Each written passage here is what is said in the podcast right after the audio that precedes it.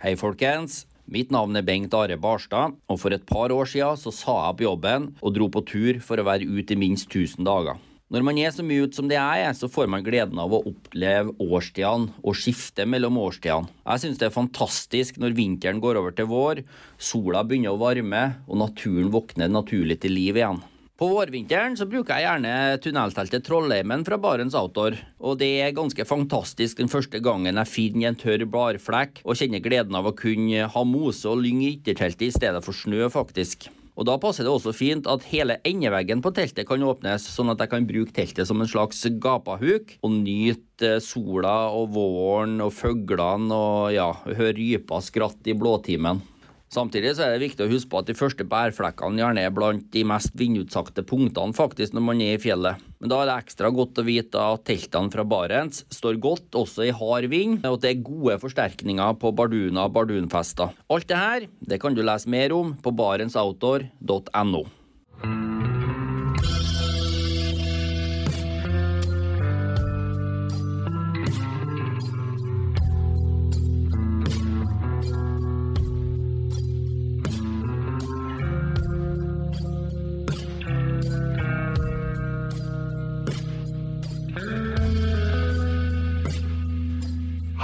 og velkommen til podkasten Uteliv. Mitt navn er Randulf Valle.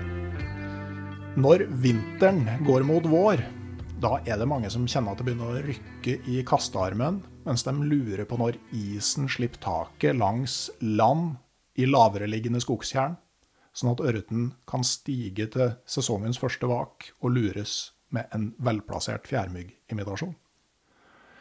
Dagens gjest har vært en viktig foregangsperson i utvikling av det man kaller det moderne fluefiske i Norge. Og ryktene sier at han trives aller best når han kan dra på tur bortenfor vei og sti med fluestanga som retningsviser. Velkommen til Pål Krogvold. Ja, takk for det. Eh, var det en grei beskrivelse? Ja, det var grei, den. Ja. Er du også sånn som lurer på når isen løsner langs land, eller? Det gjør jeg. Og men jeg lurer jo på hvor isen løsner langs land mange forskjellige steder. For det er jo Her har den jo løsna alt, rett borti her. Ja, for nå sitter vi rett ved Lillestrøm. Ja, ja så Glomma er jo åpent vann. Ja. ja så det går an både å fiske og padle. Jeg har ikke fiska ennå, men jeg har padla. Ja. ja. ok. Ja, For det er jo liksom fisking og padling vi egentlig skal snakke om i dag, da.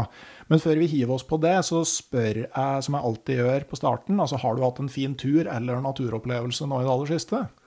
Ja Jeg har vært på ski, ja. ja. Og det har jo vært veldig fint skiføre helt til ganske før dette regnet som er nå, mm. kom. Så det er ikke mer enn noen få dager siden jeg var på ski da, inn i Østmarka. Ja.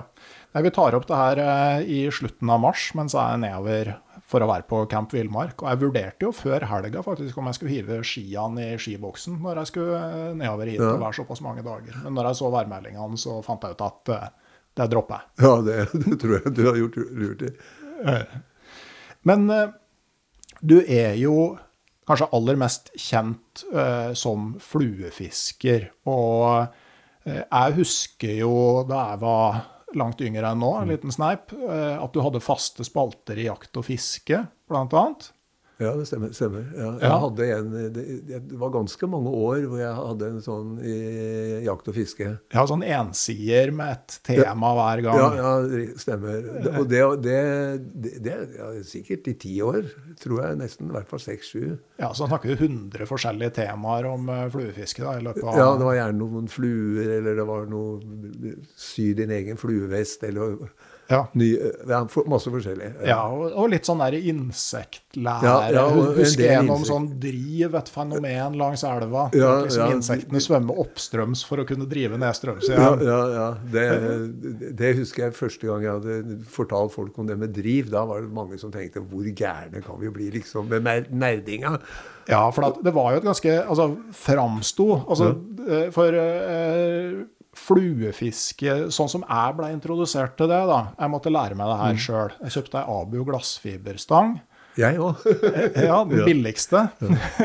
og så var det boka eh, 'Etter ørret med stang og snøre' av Knut Rom. Ja, riktig. Som var på en måte den første retningsviseren. Mm. Som er et litt sånn klassisk fluefiske med noen våtfluer og noen tørrfluer. Men de er liten altså, Og han på en måte tolka det som skjedde på vannet, og hvordan insektene lå og sånn. Mm. Men det er ikke sånn veldig sånn spesifikt ut fra hvilken type insekt og hvilket stadie og sånn. Nei, det var det jo ikke. Så det, det, det er jo liksom før og etter vi begynte å skrive om imitasjoner i Norge, så det, det var liksom en, det var som en sånn skifte. Mm. Og, og, og, det skjedde flere steder i Det skjedde jo hauger av steder på likt. Mm. Altså Folk leste amerikanske blader og, og sånt Og så, for det var der den store inspirasjonen kom. Og noen fra Sverige. Mm. Men, men det, det, kan jo på en måte ikke ha vært der fisket ditt starta? Altså på en måte, Hva var, hva var veien Nei, altså, det, inn til det var jo fra jeg på 50-tallet, på slutten av 50-tallet, med meiting og abbor. En sånn tur som liksom satt evige spor. når jeg var en det var da spikka Vi hadde fått hver vår lille sånn meitsnell av fatter'n. Eh, Jakob og jeg. Ikke lille Morten Minstemann, for han visste ikke hvordan han skulle gjøre det. Men, og da, og så da var vi ikke mange årene. Da var vel jeg kanskje ti Kanskje åtte. Og, og, og det Da brukte vi hele dagen på å spikke til sånn rognekjept og brukte sånn tjærebånd og feste sneller og, og det, Så det var en heldagsjobb, det å gjøre klart til det der. Og den satt evige spor. Det, det, det ble jeg fisker av, for å si det sånn. Den ene meiteturen. Ja. Ja, og det var, ja, det var i Lilleskillingen, øh, i nærheten av Harestua. da. Og, og det, det var Og jeg tror at mange som har blitt fiskere, at det har blitt en eller annen sånn episode hvor det liksom ble tent, tror jeg. Jeg tror det er en nøkkel at du får fisk tidlig. Ja, det tror jeg òg. Ja. For vi fikk veldig lite fisk. veldig, da Med en gang vi begynte med fluefiske, så fikk vi jo nesten ikke fisk. Men, men da var vi allerede Hadde vi fått krysset den der broa, og da, da var det helt greit. Ja. Men hvor, hvor lenge gikk det måte, fra sjølspikka meitestang til fluefiske? Ja? Det, altså de, så det, jeg fikk jo da den eh, Vi spikka jo de der eh, greiene, da. Og så gikk det et par år, og da, eh, da ble det fiske etter gjedde. Vi bodde jo ved Østensjøvannet. Og, og der, det, hver vår så var liksom en sånn stor greie. Det, det var, så vi så alle de unge, store gutta da når vi var små, som sykla av gårde og hadde gjedder på styret. For at der var det veldig godt gjeddefiske hver vår når isen gikk. Og, og, så da ble liksom det noe du hadde lyst til å gjøre. Så det ønska jeg meg ganske tidlig. Og så fikk jeg en sånn Abumatic-lignende sak som gikk i stykker første dag. Og så gikk fattern og kjøpte en sånn Mitchell-snelle. Så, så da var, og, men da gikk det veldig fort fra det til vi begynte med fluefiske. Og da, det var i 1962 at eh, broren min og jeg begynte å fiske med flue. Og da var det haspelstanga med et sånt parallelt fluesnøre som vi hadde kjøpt, som var den første fluefiske. fluefisket. Og da fikk vi noe grassat med fisk inn i smalstrømmen inn i Nordmarka. Når vi, han og jeg sykla inn, og, og da var det liksom Da var vi blitt fluefiskere. Da var det bare det vi hadde lyst til. Ja, Så du kjøpte altså ei fluesnelle, et snøre og brukte slukstanga som stang? Ja, ja. Det er jo litt sånn der, eh, interessant i dag hvor eh, du liksom får de der diskusjonene om den nye stangmodellen til produsent XX, eh, og, og de da som på en måte har som jobb å poste at de nå har fått den nye modellen til testing. Ja, ja, ja.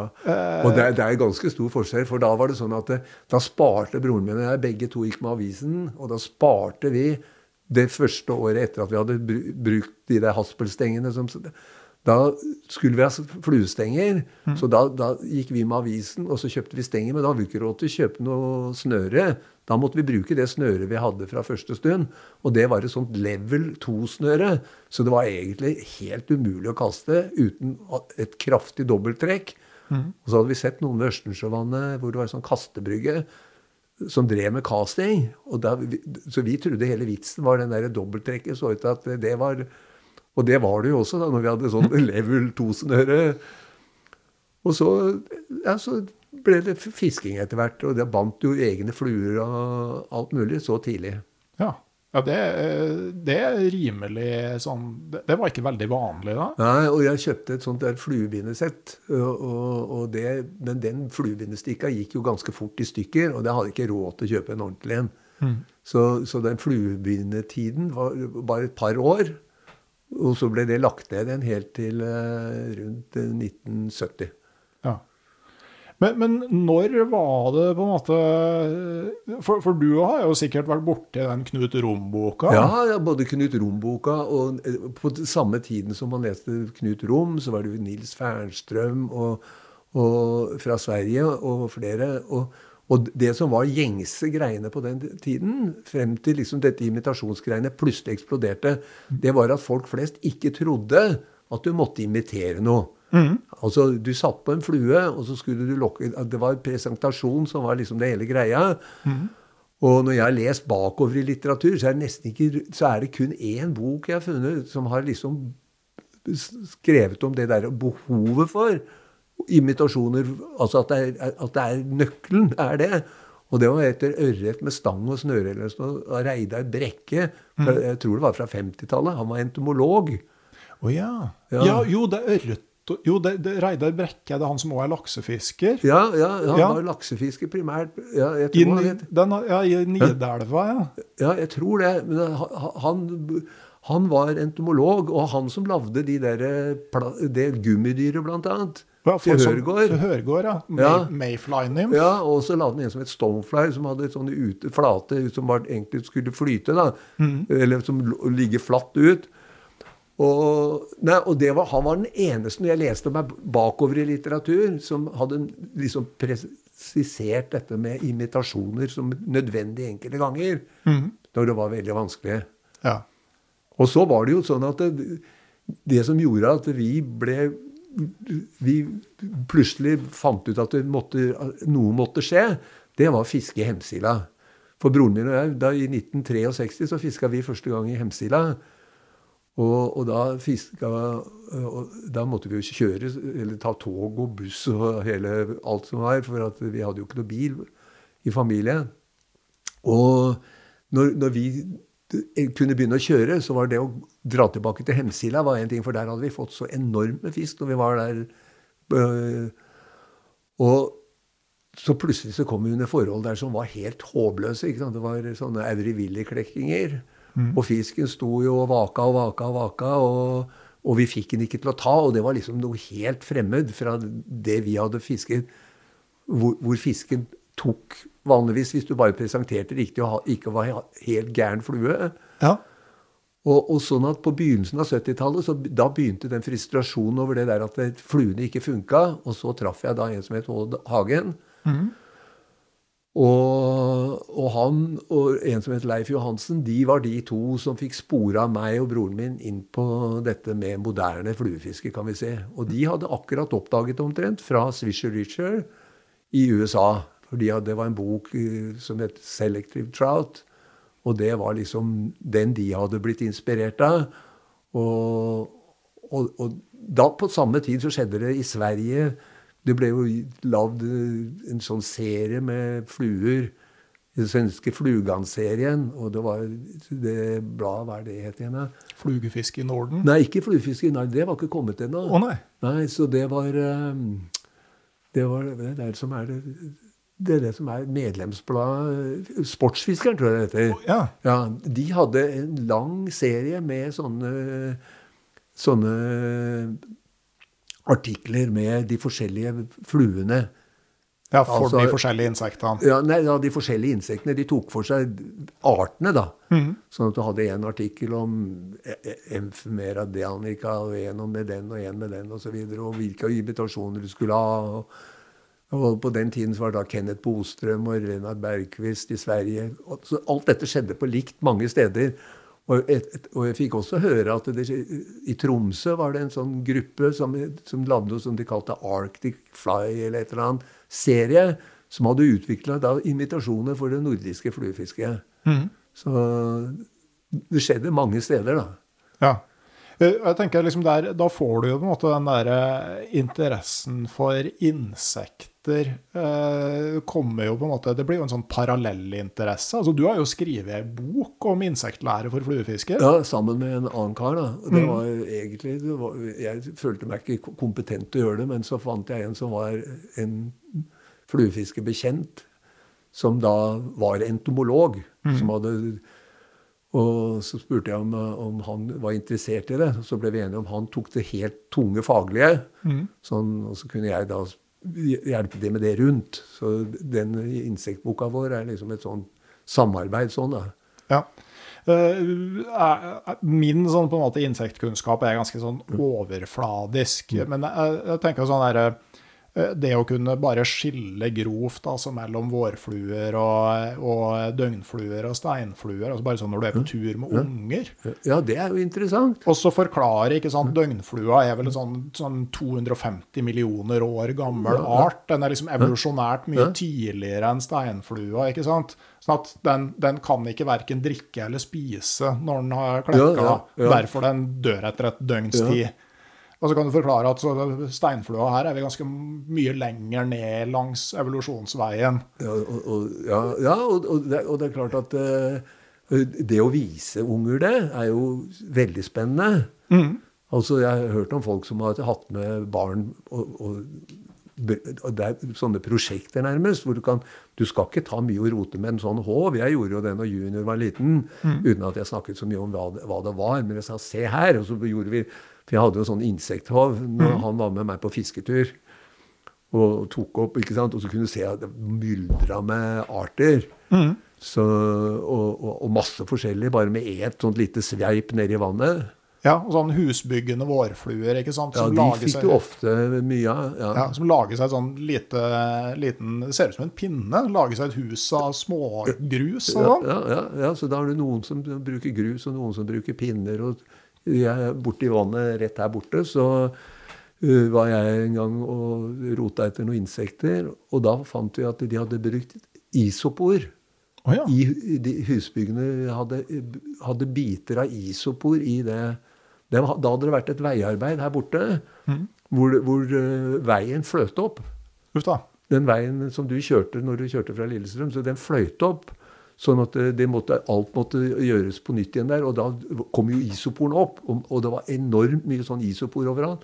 Og det utnyttet da disse vårfluene til å just, sannsynligvis justere oppdriften. oppdriften ja. Nei, for det er jo noe som på en måte En ting er jo det med eh, altså at eh, gjennom fluebinding at man forsøker å lage noe som ligner mest mulig mm. på insekter. Men det handler jo òg om å forstå de forskjellige stadiene til insekt og, og oppførselen der. Ja, altså for, for, meg så er det sånn at jeg En del av den interessen er jo mer bare interesse fordi at det er morsomt. Fordi at det, den praktiske anvendelsen, da behøver du ikke så veldig avansert. Men det, er, det kan være en veldig fordel da, for å vise at ok, nå har det klekka, ja. Ja, da er det jo like rundt hjørnet med det andre, sånn at du kan vite hvorfor det lønner seg å være der neste uke, f.eks. Ja. Ikke sant? Eller nå begynner det å sverme maur. Mm. Ikke sant? Når du, når du, ser at det er noe, så tenker du OK, ja. Og alle som har sett filmene til eh, Lars og Bård, vet ja. at flygemaur, det Det er hot, ja. uh, og det, det er jo for så vidt uh, Jeg lagde en episode med Lars Lent. Han ja. lagde jo en fluefiskeroman ja. bare for å få et sted å få ut alt det han hadde lært. Da. Der får du ikke sant, den der suksesjonen av arter som klekker til gitte tider, altså hva som kommer først. Og, ja, riktig. Ja, ja. og så er det jo ikke sant som du sier òg, at de, de, fleste fluefiskere har jo liksom sånn parallelle sesonger på gang fordi du kan flytte deg i høyde. Flytte deg i høyde og sånn. Men det er faktisk Ta Finnmark, da. Mm. Altså, jeg var i Finnmark eh, for noen år siden Det begynner å bli ti år siden. eller noe men i alle fall, da var det sånn at det som klekka den første dagen vi var inne på vidda da, det var de samme insektene som klekka i Rena på samme tidspunkt. Ja. Jo, men jeg syns kanskje ikke det er så rart. For at, det kommer jo litt an på hvor i Finnmark du er, men en del områder er jo eh, relativt tidlig hvis du ikke ligger altfor høyt. altså klart Oppå Laksefjordvidda og Sennaland og sånn, så ja, kan det være Jeg tror mot kysten, f.eks. Ja, mot kysten ja. og i, i, traktene på en måte mellom ja, Fra Lakseelv innover mot Karasjok og videre innover Anarjokdalen og sånn, så har jeg Altså, Fiska harr på tørrflue i slutten av mai der oppe.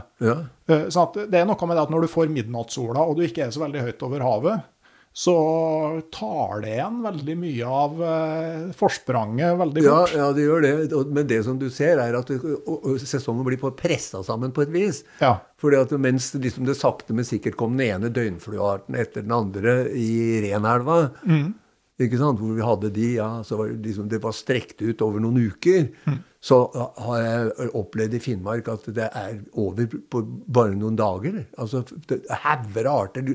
Det bare kommer det ene arter, og de er der på likt, og så, og så er det liksom mesteparten gjort. Ja. Er det det amerikanerne kaller en multi-hatch? ja, ja, absolutt. Ja. Du, du, for det er jo, jeg har forstått at liksom er på en måte den ultimate utfordringen. Da, når ja. du har masse arter som klekker samtidig, og så blir fisken selektiv på én art i et spesielt nivå i utviklinga. Ja, ja det, jeg var i Italia en gang, og da var det sånn at det var helt Da fant jeg ut at jeg bare prøvde en annen fisk isteden. Mm. Ikke sant? Du så den fisken ville ikke ta, den var oppunder og så på flua di og snudde og nærmest hoderystende refuserte. Så tenkte jeg ok, prøvde du en gang til, så var, rørte den ikke på en fibbe når flua passerte. Og du prøvde fem-seks fluer, nei da, den hadde funnet ut at det var fake. Så det var bedre å bytte bare fisk med en gang og beholde samme flua på, men bare finne en annen fisk. Mm. Men jeg har jo tenkt altså det med, eh, med, med imitasjoner. altså Når du ser på en del sånn klassiske gamle fluemønstre, så ser du at det er kanskje ikke helt tilfeldig at de funker. Jeg tenker sånn som en gammel, slitt Olsen, ja. med den to, det, det, som har en kropp som er, som er distinkt tofarga. Det er jo veldig sånn vårfluepuppe. Ja, og de Men veldig mange sånne fluer tror jeg at har du noenlunde størrelsen, mm. og så litt noen som beveger seg som bein, så er det greit nok når det skal være under vann. Mm. Eh, jeg tror at det, det store problemet, eller det, de gangene vi har, får sånne klekkinger som er vriene, hvor klekkingen er vrien, så er det jo ofte det at for det første krever at det er mer å velge på. Mm. Altså at det er flere ting, sånn at det ikke er bare én ting. Uh, og, og, så er det liksom at det krever kanskje en presentasjon som stemmer overens også. Det er ikke bare utseendet, men skal, det skal oppføre seg på samme måte. Og så skal, hvis det ønskes at det beveger seg, for det er det den insektet du imiterer, gjør, så må det ha noe som rører seg sånn noenlunde i samme sjangeren. Mm. Og skal det gå dead drift, så er det enkelte steder hvor det er dead drift det er dead drift. Det er mikrodrag. Det holder ikke. Nei, altså for da begynner flua å stripe. Du skal kaste sånn at flua går akkurat i samme tempo som strømmen uten å bli dratt. Ja. Og det, For de som ikke har fiska med flue, så er det langt vanskeligere enn man skulle tro når du har kanskje 20 meter med snøre liggende ute, og strømmen kommer i forskjellige hastigheter. Ja, ja, ja. Så, så det, det, er jo det det altså, det er jo fort gjort å tro at det dreier seg om å kaste lengst mulig, mm. men når du begynner å lese litt sånn fluefiskebøker og prøve litt sjøl, så dreier det seg jo veldig om å kaste riktig ja.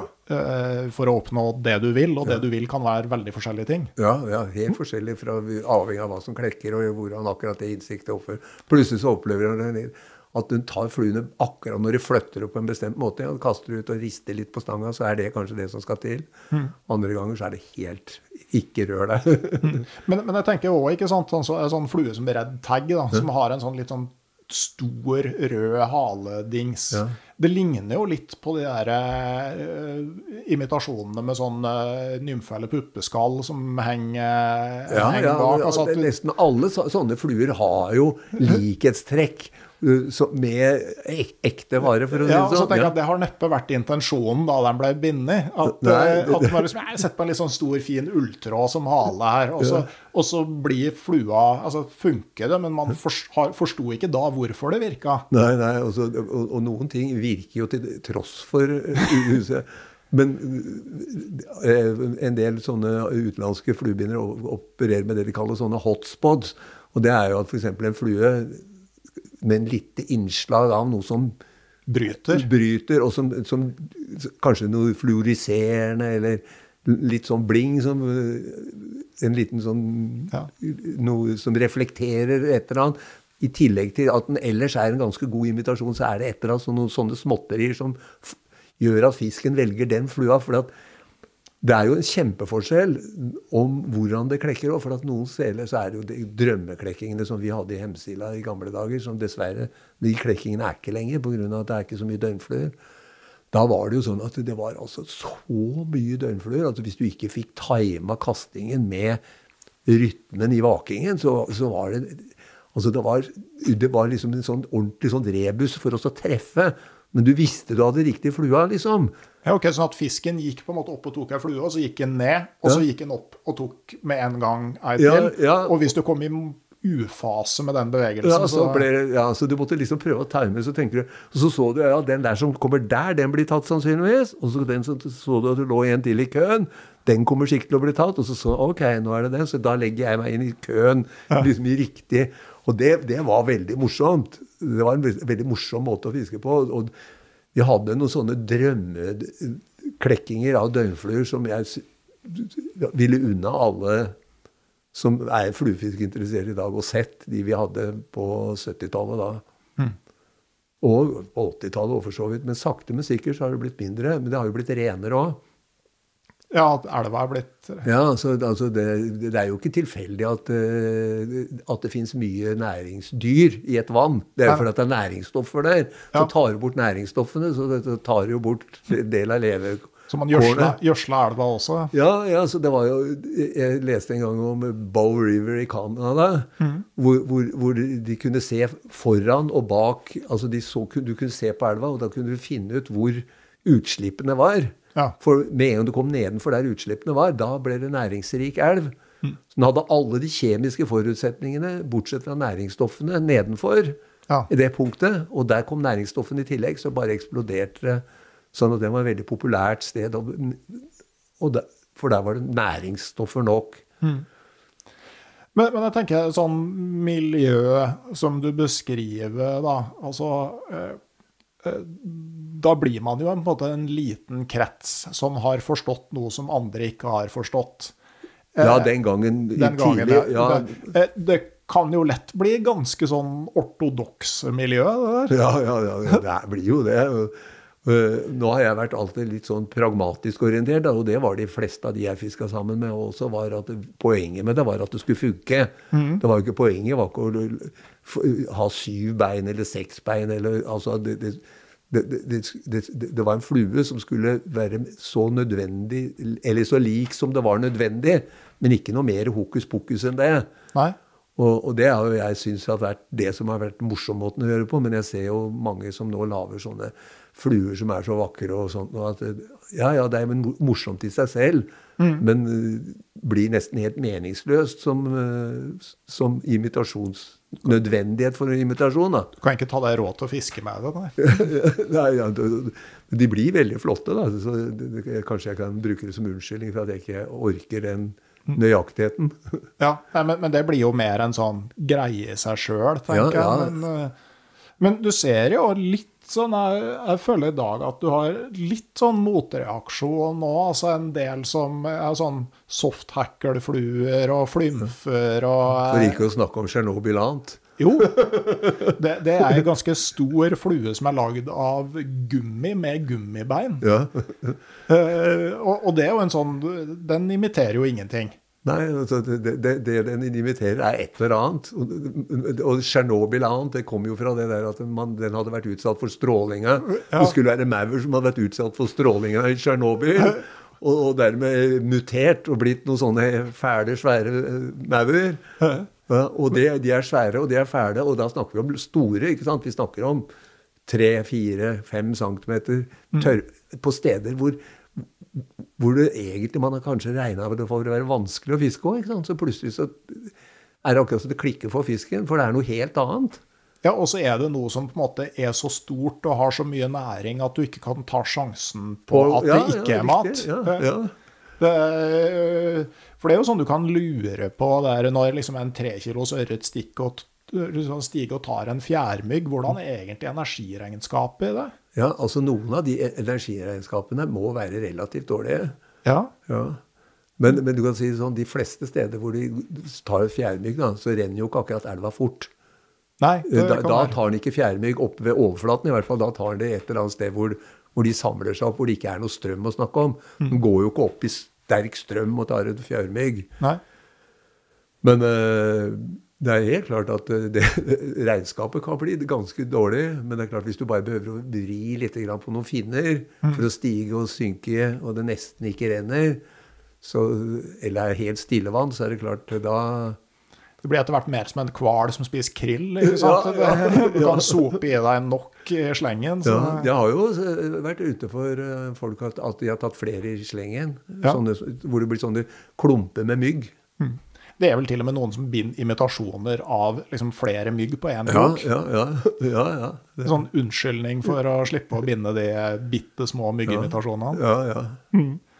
Eh, men, eh, men, eh, du snakker jo om ikke sant? Altså, Når du fisker i, i Hemsil, og du har jo fiska i Rena ja, altså De elvene jeg fiska mest i mm. mange mange år, var Først var det Hemsila veldig mye. da.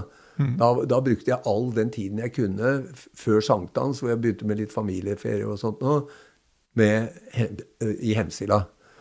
Og så fant vi jo ut at Rena var litt hot, sånn at da fiska vi først i Hemsila.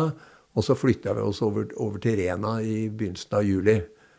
Og da var det de to hovedtingene jeg fiska uh, helt til uh, til jeg begynte å, få lyst til å dra til fjells igjen. Ja. Som vi hadde vært litt når jeg var yngre. Og det var da sånn mot slutten av 80-tallet. Eh, ja. Hvor, hvor, mange, hvor, mye fiskere var det i Rena liksom, eh, på 80-tallet? Ja, det var, det var, ikke rare greiene i forhold til nå. Det, det, var sånn at vi kunne fiske på en måte som vi ikke kan fiske i dag.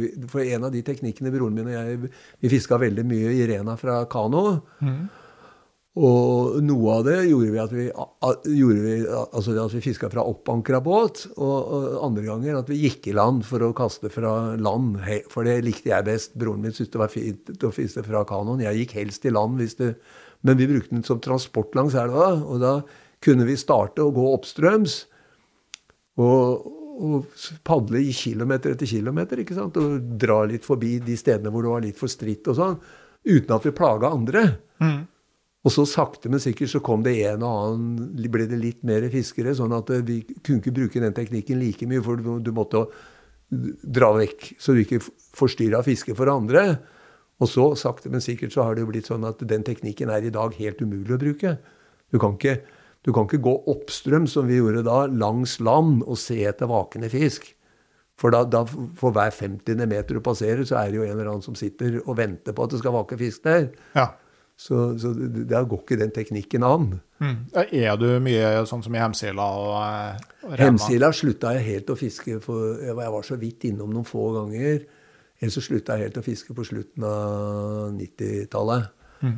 Uh, Renelva fortsatte jeg å fiske i, men vesentlig mindre, helt frem til uh, 2010 omtrent. Mm. Og etter så vidt men eh, jeg hadde jo også et, et, kan vi si, et sånt avbrekk i fisket hvor hoveddelen av ørretfisket mitt var å være på cola. Ja. Og det var fra sånn uh, 20 uh, Skal vi se Det var vel fra ja, 2003. Mm. Og så frem til uh, Ja, det var vel 10 12 år eller noe sånt. 12-13 år. Ja.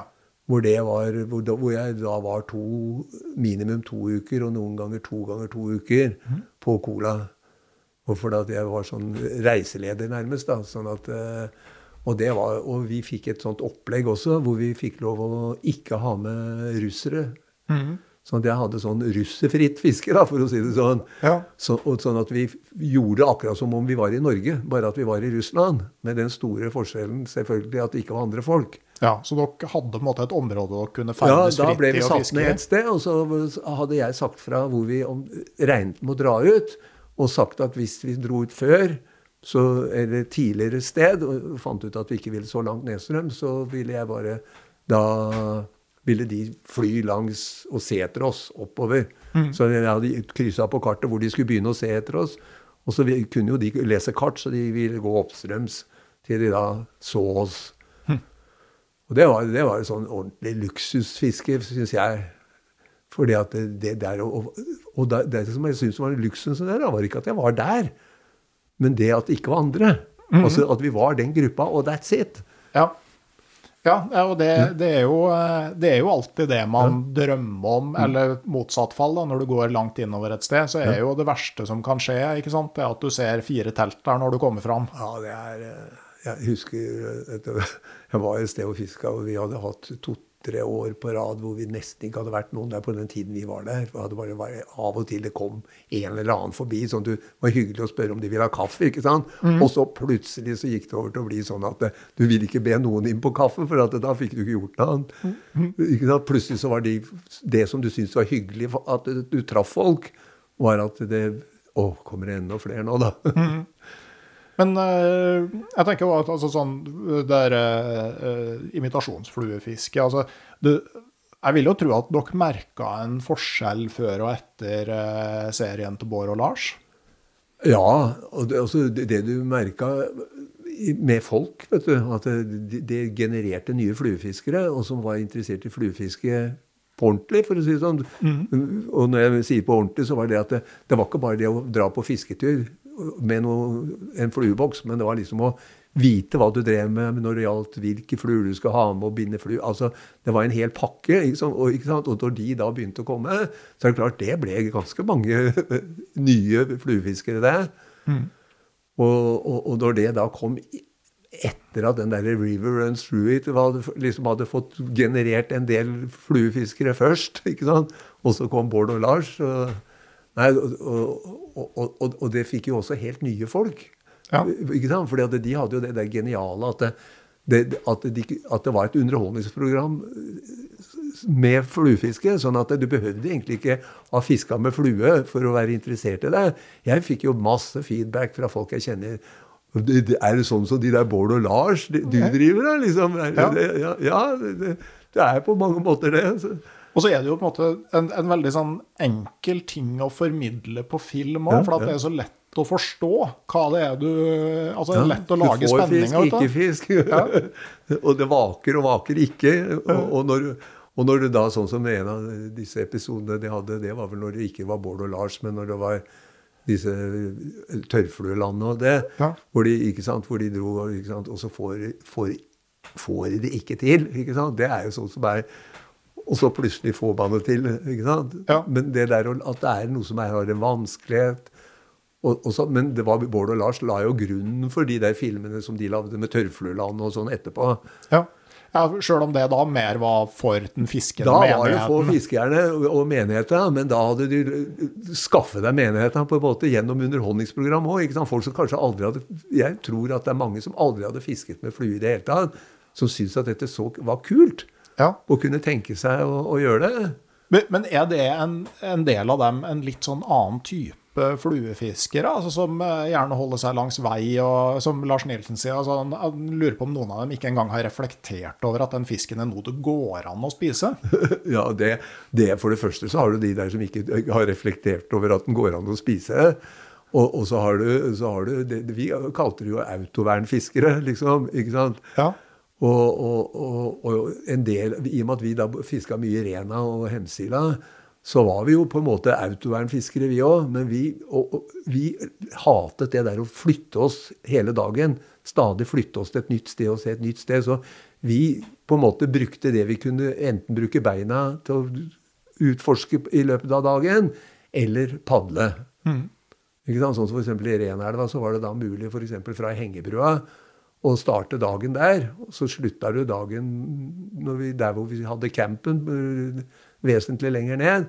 Og så holdt vi oss på det strekket hele dagen. Mm. Ja, for det, altså, jeg, er jo eh, mer laksefisker enn mm. ørretfisker. Mm. Men altså, jeg sliter med å finne roen når du skal drive og fyke rundt på forskjellige fiskeplasser med bil. Ja, det, det, det, det syns jeg ødelegger mye. Ja, altså For meg så altså Jeg vet jo at jeg har jo mange kjente som syns det er helt supert. Hiver seg inn i bilen og flytter seg. hiver seg inn i bilen Og flytter seg. Og jeg har jo kompiser som har fisker med kano, sånn som vi gjorde i Rena før. Som da ikke tok fem øre for oss å da hive kanoen på taket og flytte seg noen få kilometer og hive den ut igjen og prøve. Mens jeg da var, hadde kanoen hele dagen i, i, det samme vannet, for å si det sånn. Mm. Ja.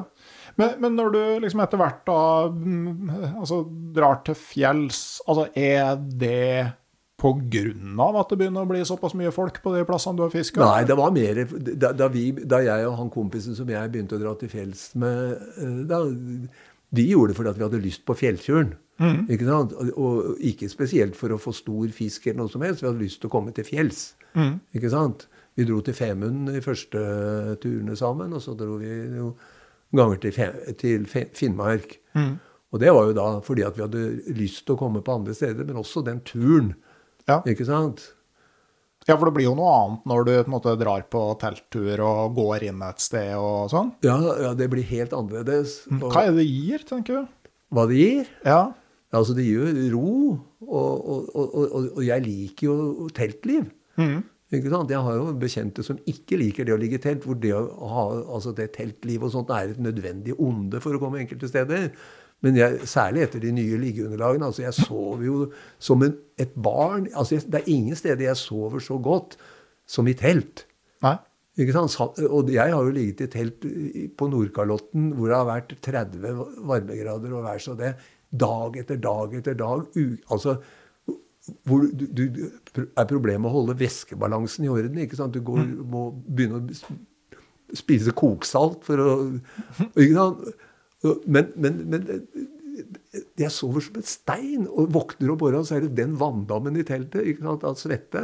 Mm. Men jeg, jeg, sover der. Det går helt fint. Ok, Det, det kan jeg slite litt med. Altså, så Problemet er jo i de midnattssolnettene at det er jo akkurat når det er på det mørkeste at ofte er det behageligst å være ute. Og kanskje det eneste tida du virkelig har litt sjanse til å få noe fisk. Sånn at du sover ikke da. Nei, og det er den tiden du helst skulle sove. Ikke? Ja, og så begynner det å bli forferdelig varmt, og så er det for mye mygg til å ligge ute. og Da kan det bli men, litt sånn Men er, altså det er klart, 14 dager For jeg har jo hatt flere ganger hvor, hvor, hvor jeg jeg mente i flere år etter at jeg begynte å fiske på Cola, mm. at det største problemet på Nordkalotten var ikke å ha ekspedisjonstelt som tålte vær og vind. Det var å ha et telt hvor du ikke behøvde å bruke ytterduk. Ja. Ikke sant? Som det bare var et myggnett. Og så eh, gjerne en sånn jervenduk som du, du kunne spenne opp, opp, som ga skygge helt vekk fra det teltet. Mm. Men der viste jeg ikke hvor galt jeg tok, når, når, du plutselig får da det omvendte været. Ja, det kan eh, du, du, har en bra spennvidde på Cola i Finnmark om sommeren mellom eh, det varmeste og det kaldeste. Ja, for da, da har vi jo vært hvor, vært eh, hvor, jeg har vært to uker på Cola og har ikke egentlig hatt ordentlig varme i kroppen annet enn når jeg har lagt meg i soveposen om kvelden. Nei. For at du, du greier ikke egentlig å bli varm nok. Mm. Men hvordan er fiske da? Nei, altså det, det, Da kan det bli helt forferdelig dårlig. Og det er jo veldig mange som har vært skuffa over når du drar på Colahalvøya f.eks. Og tror liksom det er en sånn automatisk at du får uh, bøtter og spann. Men der kan det jo stoppe opp akkurat like mye som det stopper opp. Det kan være under alle værforhold. Får du temperaturfall enkelte steder altså Når du er på fjellet sånn, og så får du et temperaturfall som er litt kraftig, så går vanntemperaturen ned, og så plutselig så er ikke fisken interessert i mat. Og så er det akkurat som, Hvis du hadde kommet dit da, så ville du tenkt at nei, det var et elendig sted. Mm. Og så bare to dager før så kunne det, var det helt bonanza, ikke sant? Ja. Det er jo det som er spennende òg, da. Det er det. Eh, men eh, sånn når du får vind og eh, sånn type forhold, altså er det akseptabelt å ha med seg slukstang, eller er det kun flue? Altså, for, jeg, jeg, for meg er det bare flue, men altså, mange vil jo si at det er det utvidede fluebegrep du er over i med en del av de fluene. Fordi at når jeg begynte å fiske i Finnmark, så oppdaget jeg fort at skal du Én ting er når du er ved Renelva, sånn, altså, sånn halvsivilisert, for å si det sånn, mm. hvor du bodde kanskje i campingvogn eller altså var så, så, var det sånn at vi fiska jo stort sett bare når det vaka. Mm. Så, så, hvis det ikke vaka, så lå vi jo kulene på bredden og venta på at det skulle vake. og, og sånn. Mens når vi begynte å fiske i Finnmark, så var det sånn at det, da begynte vi å tenke at ok, det er nå jeg er her. Mm. Så hvis jeg skal vente til det vaker nå, og det ikke, det, så kan det jo godt hende det ikke gjør det. Ja. Så da må du jo begynne på litt annet. Og da begynte jeg å fiske mye mer med streamer igjen, sånn som jeg hadde gjort litt når jeg var yngre. Og med attraktorfluer, store sånn, ja, sånn Tsjernobyl-land som vi var innom i stad. Og så mm. begynte å fiske for å på, prøve å få fisk som enten var et sted hvor vi ikke kunne se den under vann, mm.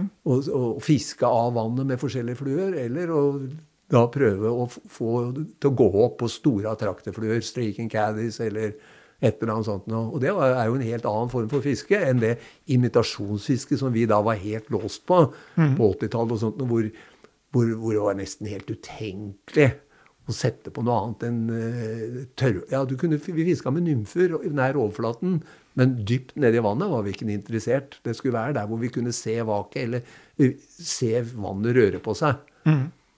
Så det er jo en uh var jo liksom i, i, England en sånn klassisk eh, konflikt. Der var Halford og Scoos, ja, ja, ja, som var liksom nymfe- og tørrfluefisker, eller tørrflue- og nymfefisker. Og, og, der var det Det var ikke noe spøk. Nei, men de hadde jo i hvert fall én ting felles, at de, de, krevde at du skulle fiskes oppstrøms uansett. Ja. ja.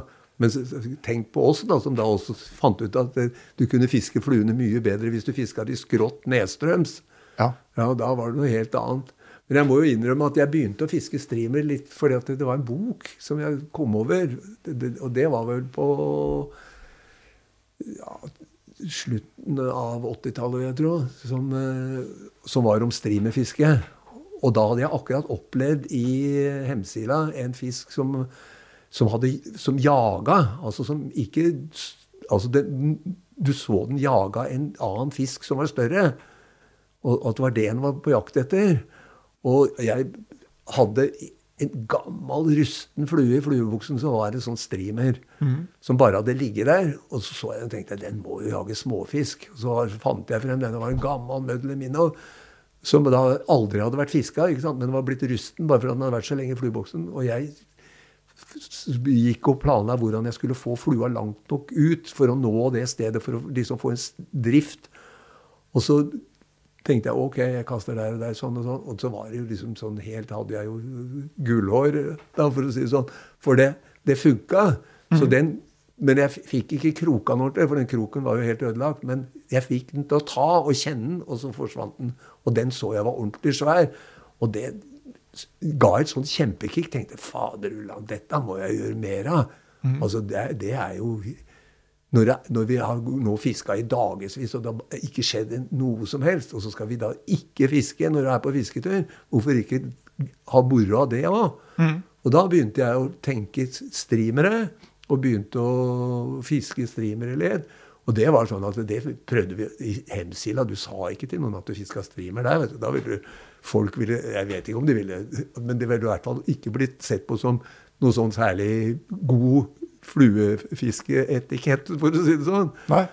Så, og, og, da var det sånn at når vi fikk de rette vareforholdene For den første gangen jeg prøvde det, da, på, etter at jeg liksom bevisst skulle prøve det så jeg, Da skulle vi legge oss om kvelden, og det begynte å bli sånn halvmørkt.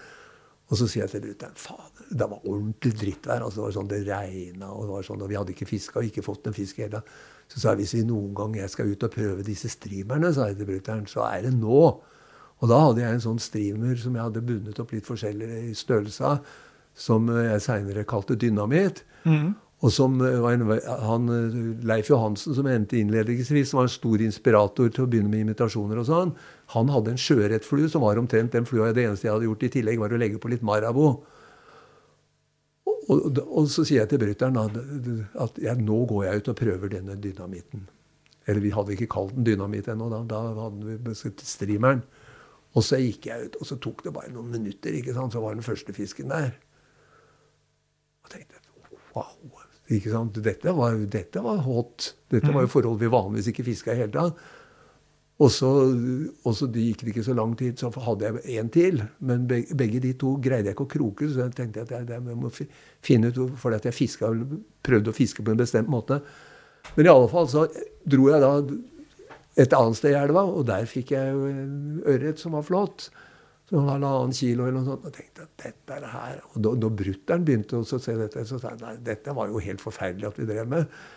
Men så skulle jo den flua liksom på en måte få et navn. og det, da kalte vi bare, Dette var jo verre enn dynamitt, som brutter'n sa. ikke sant? Og da var vi kalte vi den det Men det ble jo sånn at vi kalte den hemmeligflua. Og til dels var det han, en fiskekompis av ham han kalte Nobelnymfen.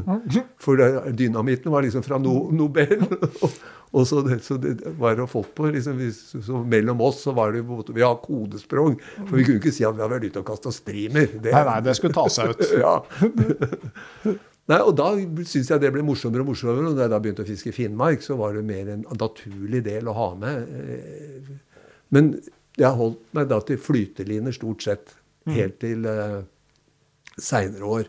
Men jeg har fortsatt gjort det mest med flyteline. Men jeg har jo sett disse teknikkene de nå bruker med sånne ledda streamere ikke sant, som er så er store som, som er egentlig etter modell etter Rapala ledda wobbler. ikke sant? Ja, ja, ja. han, sa jo, og det er han som fant dem opp, på en måte, de der sånne articulated flies at Inspirasjonen til det var jo liksom Han hadde sett liksom en av de mest deadly slukene du kunne bruke. Det var en sånn ledda rappala. Mm. Så det var jo det han gjorde når han skulle lage de første av de fluene sine. Og det, siden det så er jo det veldig mye brukt. Og da snakker vi om fluer som er så svære som altså Det er mange mange centimeter. ikke sant? Det er to fem centimeters fluer hekta sammen. ikke sant? Så det er ti centimeter og sånn. Ja. Det, men det er klart, altså stor ørret spiser jo store ting. Ja, altså Du kan jo få halvkilosørret som har spist ei mus eller et lemme. Ja, ja. Det, og jeg husker jo at jeg fikk jo harr. som liksom som jeg trodde de spiste sånn småtteri bare. ikke sant? Og så, og, så, så, var det liksom en svær sånn 5-6 cm ørret mm. i magen på en harr. Liksom. Spiser de det, da? liksom? Mm. Er ikke det bare smånymfer de spiser? Så det går. Mm. Men eh, det var jo òg han eh, Rolf Nylinder som hadde jo en sånn fantastisk video om eh, det som heter Ismopuppene. Ja, ja, ja. som, er, som er flue lagd av balsa, og hans store moralske kvaler med å fiske med noe som egentlig er en rapalavobbler. Ja, ja, og der, det er jo da også det, parallellen til Tsjernobyl og disse mm. som enkelte syns er liksom i grenseland. ja. Men øh, men jeg registrerte sånn, eh, bl.a. en sånn fjelloppsynsmann i Lierne som har kommentert at det er litt sånn her Det skjedde for noen år siden et eller annet skifte blant fiskerne. At det er eh, far-sønn-konstellasjonene som dro inn i Blåfjella og Skjækerfjella, mm. de forsvant. Og så ble de erstatta en del veldig alvorlige unge menn med Sims-uniform, ja, som fiska mye mer eh, veinært. Ja. Altså, hva tenker du at de går glipp av? Eh?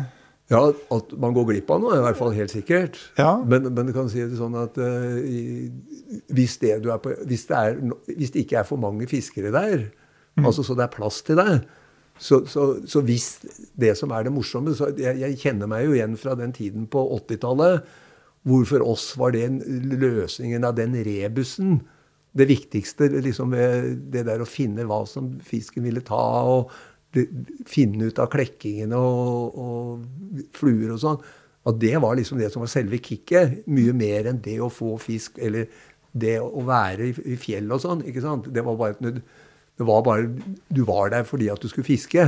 Ja. Fordi at det var nødvendig å være der. Det kunne være hvor som helst, egentlig. Mm. Men så kom jo det derre der, fra jeg var guttung igjen når vi dro på fisketur inn i Nordmarka og Smalstrømmen altså, Det var det som kom tilbake da jeg begynte å ville dra til fjells litt. Mm. Ja. Nei, for det, men det er klart, altså, jeg har jo lest en sånn klassisk uttalelse at fluefiskeren går gjennom tre stadier. altså Først er det å få så mye fisk som mulig, og så, så stor fisk som mulig, og så til slutt er det så vanskelig fisk som mulig. ja, ja, ja, det er litt sånn. Mm. Ja. Men eh, det, det, kan jo bli for vanskelig òg, for å si det sånn. ja, men er det på en måte litt sånn at når du drar, etter hvert ender opp med å dra til fjells og fiske med streamer, har du på en måte, for å bruke dataspillspråket, da, runda eh, det fluefisket og liksom Du har fiska alle de vanskelige, så først har du fått mye fisk og de store, og så har du fått de vanskelige, og så plutselig så bytter du litt sånn eh, ja, men samtidig så er det jo sånn når du drar til sånne steder, ja, enten det er på Kola eller det er i Finnmark eller et eller annet sted hvor det er store fisk da vil du gjerne at de skal være litt store. Mm. Er, men de skal være relativt store. altså De skal være store i forhold til hva de pleier å være der du er. Ja. Egentlig så er det jo sånn at med en gang du flytter deg til et annet sted hvor de, de største er mye mindre, så er jo utfordringen akkurat den samme å prøve å få de største av de som fins. Ja, for du, du, ødelegger ikke alt med å ha vært på cola, altså? Nei, men du ødelegger noe.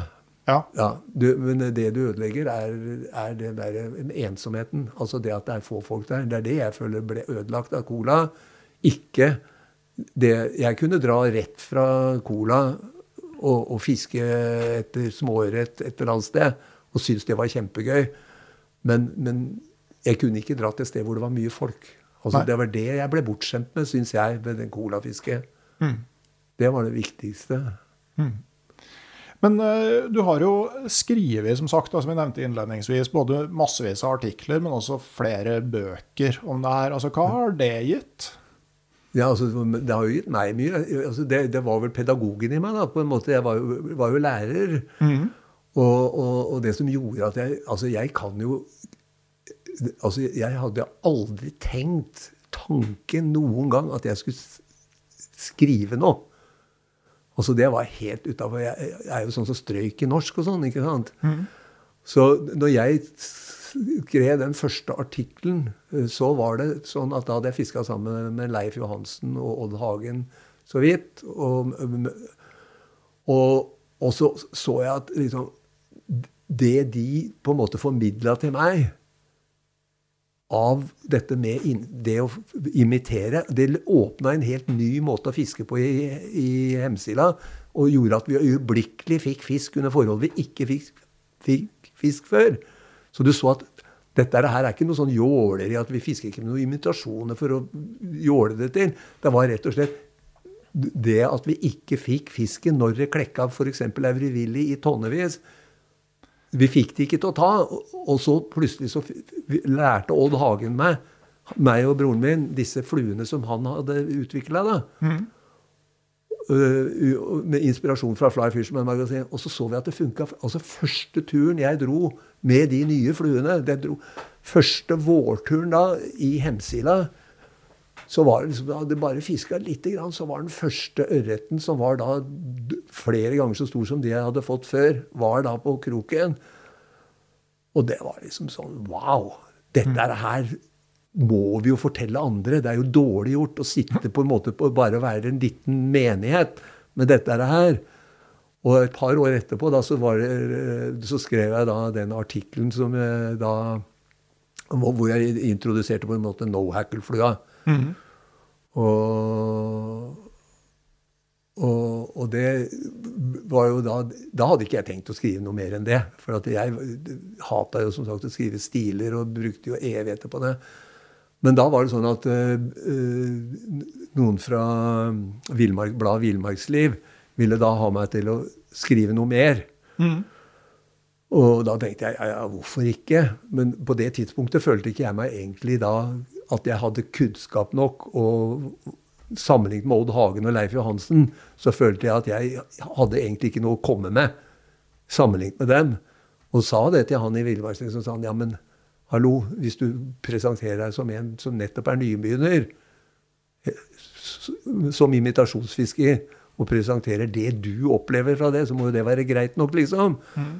Sånn at han fikk på en måte lokket meg da, til å skrive en sånn tre artikkelserie om, eh, om sånn nybegynnergreier om ørretfiske, og litt om dette med imitasjoner og dette, dette tingene rundt det. Mm. Og da var det oppdaget at jeg syntes det var gøy. Ja. Sånn at det ble på en måte en sånn litt hobby i hobbyen. Og det gjorde da at så skrev jeg en artikkel til, og så ble det en til. Og så var, var ikke kjemien med villmarksliv helt god. For at uh, vi var ikke helt så, Og da sendte jeg en ting til uh, Jakt og fiske, som da het Jakt, fiske, friluftsliv. Mm. Og, og, de ville gjerne ha, og de ville også gjerne spurte om jeg kunne da lage en sånn en, en liten greie hver uke, eller hver, eller hver, måned. Og det var sånn det begynte, at jeg liksom da begynte å skrive sånn jevnt og trutt. da. Mm. Når du sier kjemien med villmarksliv, altså jeg har merka at du, du, har holdt kortene ganske tett til brystet over hvor du har vært. Og det har jo ikke alltid villmarkslivet gjort.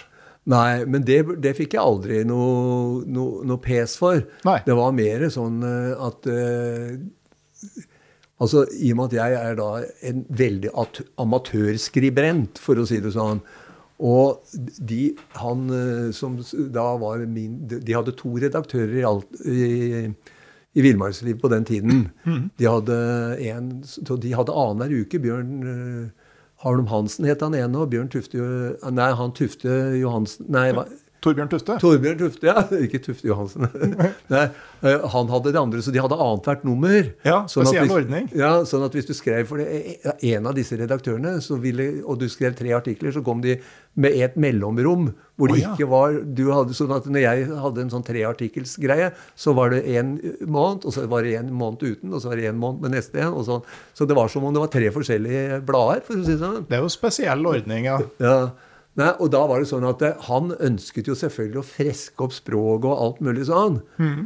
Og, og, det som var pro, problemet for meg, var at eh, jeg, jeg var helt villig til å e, endre på norsken, og, og, så det var språklig korrekt, og at det ikke var klønete. og det, Godtok egentlig ganske mye redaktørjobbing. Mm. Men jeg ville ikke at det skulle fremstå som det var en helt annen person som hadde skrevet det. Som, ikke, som, ikke, som brukte måte å uttrykke seg på som, som, gjorde at jeg egentlig ble litt forlegen, da, for å si sånn. Og ja. det var det som begynte å skje, mm. som gjorde at eh, Og, og det, det, toppet seg da jeg hadde skrevet en bokanmeldelse. Og den ble retta, og så fikk jeg den gangen så fikk jo alt foregikk jo på papir. Mm. Så da fikk, for, fikk, jo jeg da en kopi. Og så så jeg den var redigert veldig, sånn at bokanmeldelsen ikke lenger anmeldte boka på samme måte som jeg mente det fortjente. Altså, det, det var blitt som om det var en Det, sånn kunne, det kunne jeg ikke akseptere. Nei. Så jeg sendte da tilbake igjen at nei, dette må rettes. Mm. kan ikke skrive sånn bråkjekk stil om det der. der. Og, og, så ble det ikke retta. Og da tenkte jeg sånn at dette er ikke så viktig for meg, så jeg bare driter i det. Så mm. da sluttet jeg å skrive for dem, da, for å si det sånn. Kompis av meg som leverte en artikkel til Vi Menn. Ja. Eh, om Han var jo sånn eh, packer på en jaktcamp i Alaska. Ja. Og eh, den, eh, Han hadde skrevet altfor langt, og sånn, så den eh, var kraftig mm. redigert. Og den kom på trykk under tittelen 'Jeg var jaktslave i Alaska'. Akkurat, ja. ja. Nei, jeg husker, altså, det, det, var sånne uttrykk som 'kort sagt det beste for deg er'. Mm. Når det jeg hadde da egentlig skrevet, var at dette er, dette er, noe som ikke går an å si kort sagt. Altså, ja. Det går ikke an å si kort sagt det beste for deg, for dette her er så mye dersom, vi og 50 fallgreier. Mm. Og når du begynner med det, så det blir du litt irritert av det. Men når det da bokanmeldelser blir gjort sånn at ikke det er lenger Da kunne du like gjerne sendt en annen til å anmelde boka, tenkte jeg. det er vel Einstein som sa at alt skal beskrives så enkelt som mulig, men heller ikke enklere. Nei, akkurat. Ja. ja. ja det var bra uttrykk. Ja, den er jo eh, grei å ha med seg. Men, men du har holdt kortene ganske tett til brystet på stedene du har vært? Ja, de eneste stedene som jeg blåste, og det tok det lang tid før jeg gjorde, det var jo Hemsila og Rena. Mm. Og det var først på begynnelsen av 80-tallet at jeg skrev de navnene på de stedene. Mm. Og, egentlig, altså, og det var fordi at jeg da regnet de som så blåst. At de, og at det var så mye folk som var der, at det ikke lenger var noe det var greie steder å bruke som referanse også når du skulle snakke om fiske. Det er sånn typisk Hemsila-forhold. Mm. Det, det, er på en måte et uttrykk som gjør at alle som har vært i Hemsila, men også mange som ikke har vært der, skjønner hva det dreier seg om. Mm. Og, og, og, og, Rena og Hemsila var da to forskjellige eh, elver sånn sett. Hvor den ene var relativt grunne forhold, mye vading og sånt, mens den andre var veldig dyp, tung elv. sånn at det var greie å bruke som litt sånn Og da tenkte jeg at det er også greit å, at to steder liksom, At du kan bruke referansen på det uten at For alle visste jo omtrent etter hvert.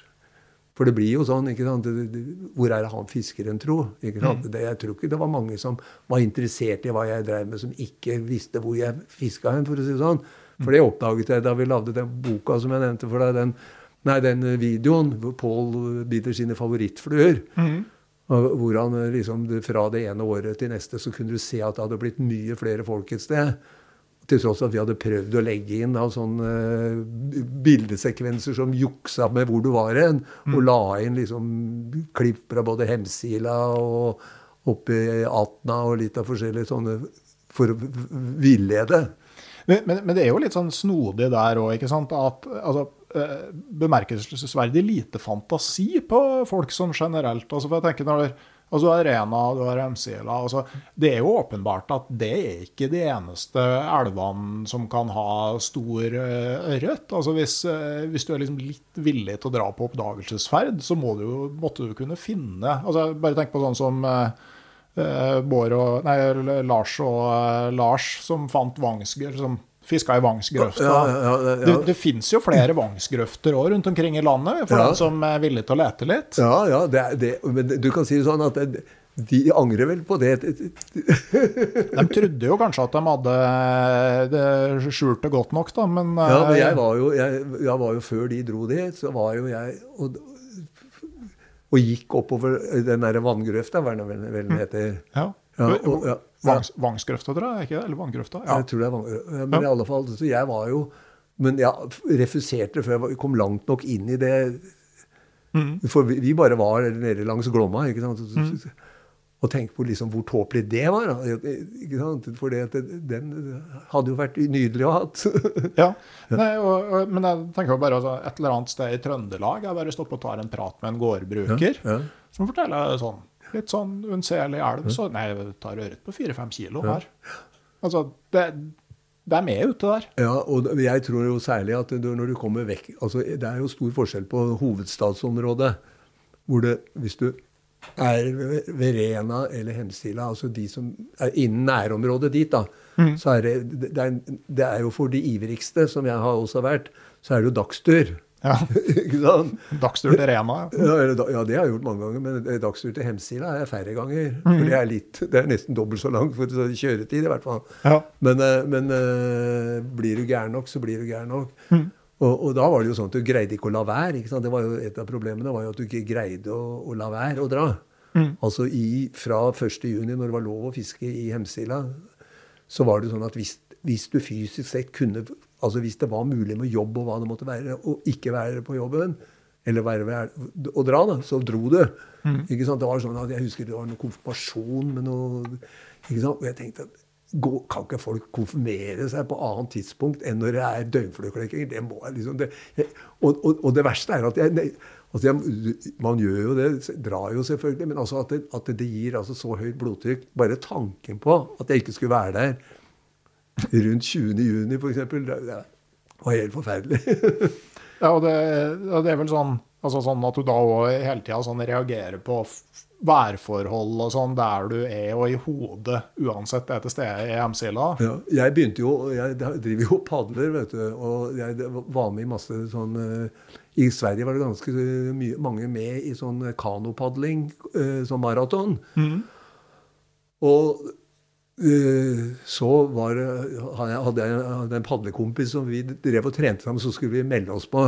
Og så var det tidspunktet hvor det løpet var, var jo helt forferdelig. Det var omtrent det verste du kunne velge. Mm. Men eh, det, det, skulle jo liksom bare være én dag. Det er jo bare én dag, men så må du kjøre hver vei. Så det, det, blir jo tre dager av det, og det er jo en helg. Mm. Så da er det jo plutselig en helg i juni, for dette rundt, gikk vanligvis rundt uka før midtsommeraften i Sverige. Så det ville da torpedere én fluefiskehelg. Og det, det, lå hardt inne, men jeg måtte liksom For det var såpass viktig. for det, All den treninga du gjorde resten av året, alle de fine turene du hadde for å trene, var jo liksom, det kuliminert litt med det. da. Men det, da, da, var det sånn at når vi kjørte av gårde, og jeg, da fulgte jeg med på flaggene og så, ikke sant, Ennå dette gikk et, go et godt stykke inn i Sverige. Men og jeg husker jeg hadde et sånn feber det ene året etter det andre. Og flere av de årene så var det jo sånn at det kom den der annenflommen som du ofte får i, sånn som i Hemsila. var det sånn at det, når, når, isen gikk, eller mm. når våren kom, mens det fortsatt var snø i fjellet, så hadde du en sånn fin periode hvor det kunne være fint med bajetisklekkinger og alt mulig sånn. Og så kom varmen, og så kom så ble det helt brun elv igjen og sånn. Ja. Og to av de årene hvor jeg da hadde helt feber for at vi var på sånn padlekonkurranse, så var det jo sånn når jeg kom der, bare stell deg bakerst i køen, for at det her har ikke vært et vak. For det her har vært brun elv i tre dager. ikke sant? Ja. Så, bare, så var det egentlig helt greit å være til Ja, men det var bare det at det var helt bortkasta. Da hadde jeg, hadde jeg gått og ergra meg og hatt den derre brennende lysten til å egentlig vært der. men vi hadde jo jævlig moro med den padlingen, så det var jo helt ok, det. Men den, det der var det, med å kollidere sesonger og sånn, det er ikke bra. det, er, det, er, på en måte utrolig sånn det, Altså, folk blir Altså, fiskere blir på et vis enda mer hekta enn Ja, det er litt det samme ikke sant, med sånne toppturfolk og sånn. og golfere, har jeg hørt. Ja, altså, men, men, men, golfere tenker jeg må jo være greiere for det at det er ikke så væravhengig. Men mens ikke sant, hvis du skal gå topptur og kjøre frikjøring, ja, ja, ja, så er det jo der når snøfallet kommer, altså vær der eh, da. Altså Det blir jo litt sånn sammenlignbart at folk blir veldig dratt eh, inn i det. Mm. Ja, og det med været, spesielt hvis, sånn som jeg har villet gjerne være tidlig ute på jeg syns at den starten av sesongen, når, når, når, vi kan si det virkelig at det er springtime, for å si det sånn, hvor, hvor det går over fra å være, være noen små knopper på bjerka, og det sakte, men sikkert blir farve, den grønnfarven og det, den, det er det vært min favorittid å være på fjellet. Mm. Og, og, da er det sånn at i Hemsila så har du da kunne fått det i begynnelsen av juni. Ja. Uh, og drar du til Finnmark, så er det jo omtrent på samme tida. Da er det kanskje litt ut i juni, da. Mm. Er, og, og, hva velger du da? Nei, så da så kan du gjøre unna Hemsela og så dra Jeg dro jo ofte, eller flere ganger, så var det når jeg begynte å dra med de fjellturene mine til uh, til uh, Femunden, så det jo, gjorde vi det rett etter at vi var ferdig med liksom, hoveddelen av Hemsila. Og da, da var det det midtsommeraften vi hadde som skille. For det at midtsommeraften det er en spesiell dato. fordi det er altså ikke en dato, det er et, en, en helligdag. Og ja. det, er, det, er, at før og etter svenskene kommer til Hemsila, det. Aha. Ikke sant? For at svenskene kom ikke før midtsommeraften, for de fleste fikk ikke lov av mor og familie. Det, det, er jo som julaften i Sverige, vet du, ja, nesten. ikke sant? Sånn at det, midtsommeraften, da kom de. Ikke sant? Rett etter det. Når de dro rett på fiske etter det. Og da, det var da begynnelsen av ørretsesongen i Hemsila for dem. Mm. Og da var det egentlig slutten for oss. Ja. Ja. Fordi vi ikke ville ha så mye folk, da. Men, men, du nevner jo kano, ikke sant? for det har jo vært en sånn parallell greie for din del med, med fluefiskinga? Ja, så Det begynte jo med at vi kjøpte en sånn svær familiekano hvor jeg skulle ha med familien på padletur. Mm. Og da var det kona og meg og guttungen som da var eh, to år eller noe sånt. Og, men jeg har alltid vært sånn som har likt sportsutstyr som har vært litt ålreit. Mm. Og så var jeg på villmarksmessa, apropos den Camp Villmark som du skal på nå. da. Mm. Og så ser jeg noen kanoer der som ser ut som de er beregna for å flytte seg. Mm. Og det, det, var noen sånne Jensen-kanoer var det, som uh, Mark Ovation, som lagde Alley-kanoene, oh, ja. hadde, hadde lagd i glassfiber. Og det var en Jensen maratonkanoer, var det, det egentlig. Men det, beregnet, det, er jo egentlig da beregnet for turpadling. Uh, sånn at du kunne ha med masse bagasje og alt mulig sånn. Mm. Og da var, da var, jeg allerede blitt padlefrelst og hadde fått kona padlefrelst. Og da var det ikke veien lang til å kjøpe en sånn sånn ærlig sånn maratonkano. Mm. Og, og, og, da var det sånn Fader Ulland, dette kunne vært moro å trent litt med. Og da var det sånn Hvem er det jeg kjenner som kan Og da ringte jeg til han som ble padlekompisen min. Som barndomssønn. Vi har vokst opp sammen og gått langrenn sammen i hele oppveksten og sånn. Og da spurte jeg han kunne du tenke deg det. Ja, det, det hadde vært gøy. Og så begynte vi å trene litt, bare sånn for moro skyld.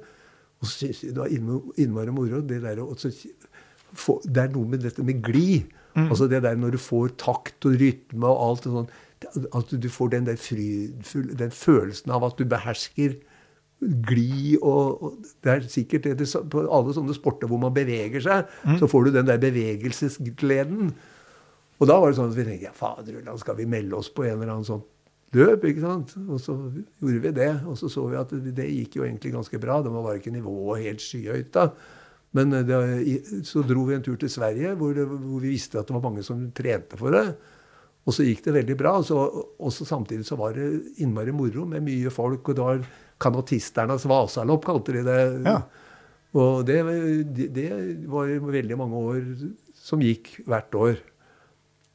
Så, var, var, det større, det med kano i ja, Sverige? Ja, det var helt annerledes. I, i, på det tidspunktet så var det sånn at canadensere det var det man padla i hovedsak i Sverige. Ja. Mens i, i, Norge så padla man kajakk hvis man skulle padle. ikke sant? Da var det sånne turkajakker. Det var jo før det var så mye sånne grønlandskanoer og, og sånne så, Og da var det hadde Struer i Danmark hadde jo masse modeller fra sånne som egna seg for, bare for å dra på tur. Så det var sånne turkajakker de hadde da i, i, i Sverige Nei, i Danmark, nei, ja, Danmark og Norge. Mm. Mens i Sverige så var det canadensere. Og da, der var det enormt stort med, med tur Altså bare det å dra på tur med Og de hadde jo masse produsenter òg, ikke sant? Linder og og, og, så hadde de han der Harry McFie, som hadde vært eh, ja, i Canada. Ja, og jeg tror det var en av grunnene. Så han var liksom Sveriges Helge Ingstad på ja, mange vis? Ja, han var det. Han var det. Og så, og så, man, så var det en, en, fyr som het Preben Mortensen, tror jeg, mm. som eh, drev noe han kaller Silver Lake, det stedet. Han er døende nå i år, tror jeg, eller i fjor. Borte i, i Sverige, i Årgjengtraktene, som drev masse kursvirksomhet, også med kanopadling. Mm. Sånn at det, på den måten så var det kulturforskjeller mellom Norge og Sverige på det tidspunktet. Fordi at folk var med i de padlekonkurransene. Ikke for å vinne, og sånt, men på samme måte som folk er med i Vasaloppet i Sverige. Ja. ikke sant? For at i Norge så går du Birken. Da, du går ikke Birken hvis du ikke har trent. Men i Sverige så er det liksom Ja, hvor mange ganger har du gått? Ja, det er første, første gangen i år, liksom, ikke sant, for en svenske. da, ikke sant, Han har ikke ja. gått på ja, og du ser jo de faste videoene i den ene nedoverbakken ja, i Vasaloppet. Ja, detter, ikke sant. Det er jo ja. Fantastisk morsomt klipp hvor Petter Northug kommenterer det på svensk. Ja, oh, ja, ja. ja det, det må, må, du søke opp. Liksom, Petter Northug Fall Vasaloppet. Ja, ja, det skal jeg gjøre. Markus Helners farbror og sånn, som kommer ned lia der. Akkurat. det, er, det er veldig, veldig artig. Men, men, du har aldri, aldri frista med sånn Canada og Alaska og sånne type turer, da? Jeg har, vært i, jeg har vært i Alaska en gang, men det var med sånn raft, altså sånn sammen med en kompis. Mm. Det var fantastisk. Og da var min tanke med en gang at dette skulle vi gjort med padling. Mm. ikke sant? Men det var en kompis som ba meg med. Mm. Og det er jo fantastisk å være inne i den, den villmarka. ikke sant? Er, du veit det sikkert. så det, det, det, det, er jo noe som jeg gjerne gjør igjen, for å si det sånn. Men det er mye logistikk og relativt kostbart ofte å komme til. De, det, det, har jo i hvert fall blitt veldig mye dyrere. Altså, jeg husker jeg hadde første Canada-turen min før 9-11. Ja. Og før og etter. Ja. Det var en kjempeforskjell på utflygingsprisene. For det skjedde noe med forsikrings... Øh, forsikringskostnaden. Ja. Sjøl for bushfly oppe i Nord-Canada. Akkurat.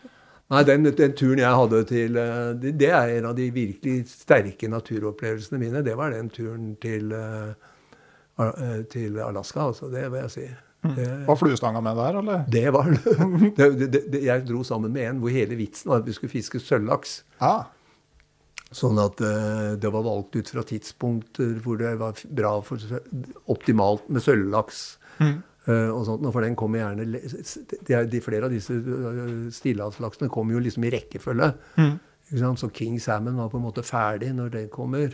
Mm. Og da er det jo sånne som de nærmest lever av rogna til den andre arten. og, og sånt, ikke sant? Mm. Nei, så det var, det var, veldig fint. Men jeg syns det da er kjedelig å sitte på lasset på en sånn raft. ikke sant? Mens derimot det å forflytte meg i en kano, da nyter jeg liksom selve forflyttingen òg.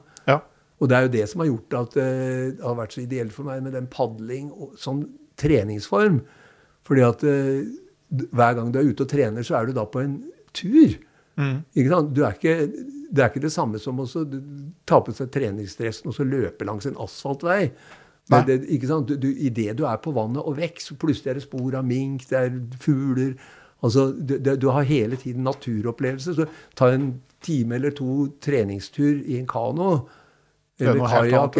Det er noe helt annet enn å langs en vei. Du, skal jeg få det samme, så må jeg inn i marka her. Ja. Sånn at De joggerundene mine er jo gjerne sånn mest mulig sti. Mm. Men det er jo antagelig bra for treningseffekten at det ikke er god ørretelv du bor ved? da. Ja, det, da hadde jeg jo ikke Da hadde jeg ikke Da hadde jeg bare fiska. Det, det, må jeg nok si at det, det hadde vært vanskelig å kunne kombinert da. Mm. Hva tenker du om Det har jo vært en, egentlig en revolusjon med packraft. da. Ja, og jeg skjønner godt at folk gjerne vil dra i dem. Mm. Men uh, hadde det vært opp til meg, så hadde man spent ut piggtråd over, hele, over alt hvor de fins, for å si det sånn. For, for de, de, de, gjør det jo så mye lettere å komme til, selvfølgelig. ikke sant? Ja. Og, og, jeg skjønner at folk har glede av dem. Og, og jeg har jo prøvd det, så jeg har jo så vidt det er, så jeg vet jo hvor praktisk det er. Mm. Og det er spesielt det der at Men jeg syns jo det perfekte for dem er at og, det de er aller best egnet til, det er når du primært egentlig er på fottur, men trenger noe for å kunne forflytte deg på vann i tillegg. Mm. ja, for den gleden av å skli, den får du ikke i en Packraft. Får ikke, nei, det får du ikke i det hele tatt. Den har, jo, den har jo ingenting av det. Nei. nei. Så enten det eller ei litt sånn grunn og røff elv, da. Ja. Eh, men jeg tenker jo litt at de har jo Altså, Det at de er så stabile, det er jo nesten litt sånn der skummelt at sjøl veldig uerfarne padlere kan føle i overkant av mestring, og av og til uten å forstå hvor risikofylt det man driver med, er. Ja, vi er helt 100% sikre at det er bare er et tidsspørsmål før man får en alvorlig uh, ulykke. Det er nesten rart at det ikke har vært drukningsulykker ja. med det. For vi har sett sånn ferdsel langs elver hvor vi bare tenker at hallo, mm. veit du hva du holder på med, liksom? Ja, nei, og det, det, det ser du at du ikke vet, da, for å si det sånn. Ja, nei, Bare sånn valser, ikke sant? Der ja. hvor vannet kommer nedover ja. et dropp, ja. så kan du jo få liksom, at vannet blir gående på et vis i evig sirkel på ja, baksida av droppet. Og jeg har jo sett det i forbindelse med sånne opptak fra uh, elvepadling med med annen, andre Men, type Eller med sånt noe, med ordentlige båter. da, eller mm. hvor, hvor, hvor, de har ligget der og rulla rundt og rundt og rundt. og jeg kjenner jo, I og med at jeg drev med padlingen, altså, traf, hadde, den klubben jeg var medlem av, de, de, fleste av de som drev med dem, hadde opprinnelig drevet med sånn elvepadling. Mm. Uh, og, og de, de, hadde, de, hadde, jo hauger av episoder med sånne nestenulykker mm. som de kunne fortelle om, hvor det var liksom bare flaks. Og, og at man hadde det rette utstyret i nærheten, og at det var to sammen og hadde ja. kasteliner og sånt. som gjorde men, men, men der, der, kommer du på en måte inn i et miljø hvor folk er mer oppmerksom på de ja, farene. Ja, altså, så hvis, altså, disse kom, de, de, hadde forulykket hvis det ikke hadde vært for at de hadde, var i et miljø og hadde lært det, for å si det sånn. Mm. Og, og, før eller senere så er jo folk altså Det er jo så fristende. Det, det, altså Hvis du er i et eller annet sted, og det er en og du har, greier jeg den, så greier jeg den, og det ser like trygt ut hele tiden. Mm. Og, og, og, det der at det ikke kan synke ikke sant? Altså, så, lenge ikke, så, lenge du ikke, blir sittende fast på noe vis, så, så, så, kan du gjøre hva som helst. Jeg så jo i, Da jeg var i eh, Femund nå i sommer som var, så hadde jeg et sånn bæresystem som gikk i stykker. Så jeg skulle bære kanonen fra vann til vann, så jeg holdt meg i rågen stort sett. da. Mm. Og da var det noen som skulle ned Røa, mm. akkurat der hvor den Oset er, hvor det begynner. Og, og, de skulle jo ta ned det der tross at de gikk nedover sånn. Og da var det fire mann sammen. Og da var det liksom han Skal vi, skal vi ikke? liksom De sto og diskuterte. Og da var det en som sa 'Jeg kjører', ikke sant? Og, men da var det jo tre andre som kunne eventuelt hjulpet ham. Men det gikk jo da bra, bortsett fra at han, alt han hadde, var jo vått. Mm. Men det gikk jo bra. Men altså, det kunne fort ikke gått bra, da kan du si, hvis man var klønete nok. Ja, eller bare ha litt uflaks ja. når, du, når, du, ikke altså for det, det, jeg lurer på altså Jeg tror ikke alle helt forstår risikoen i en del av det de gjør. Nei, og du har jo det der at de, de, hvis, Jeg har jo sett noen som bruker hjelm, mm. og det er jo nødvendig hvis du går ned Du, du må jo vite at du kan bli slått over ende òg. Mm og, og, og, i steinrøyser og sånt noe. Så jeg har jo sett folk som har dratt på sånne packraft-turer som har hatt med hjelm. Mm. Og har tatt på det når det eventuelt er Og det er, vil jo være en veldig fornuftig sikring, for å si det sånn. Mm. Jepp. Hvis vi skal begynne å, å tasse oss mot en slutt her, altså sånn, hva tenker du liksom er de største sånn endringene du har sett nå i løpet av fluefiskekarrieren? Det er jo antall mennesker. Mm. Det er den største endringen. Og så det der at døgnfluene har blitt færre. Ja. De, to, de, to tingene syns jeg har vært veldig markant. Men altså, sånn som når du sier Hemsil, så, er det- så er det jo ikke så fælt hvis det er fordi at det er mindre forurensning i elva, men altså, er det også inni på villmarksturene at du observerer mindre insekt? Ja, det, ja, så det er noen arter som tydeligvis at, noen, at klimaendringene kan ha gjort øh, Og så er det andre arter som det ser ut som det, det går i beste velgående, for å si det sånn. Men det har særlig vært øh, i disse stedene hvor det er forurensning. Og jeg, det er jo en, bo, en artikkel som jeg så for mange herrens år siden, en som het Albert Lillehammer, øh, som øh, hadde doktorgraden i steinfluer. Og han, da, han hadde da en sånn hvor du kunne se sånn test de hadde gjort nedover langs Glomma. Og sett på hvordan er det med insektlivet. Og ved hver av tettstedene så økte mengden med uh, insekter, og så avtok det igjen når du går bort fra tettstedet. Og jo lenger hvor, Inntil du kom til neste. Da fikk man en sånn topp med jevne mellomrom. Så at forurensning ikke bare er negativt, det er jo helt sikkert. Det er jo derfor man gjødsler åkeren. Ja, nei, og, det, og det er jo mye sånn både avrenning fra både landbruk og fra folk. Ja. så, mm. så det er jo så.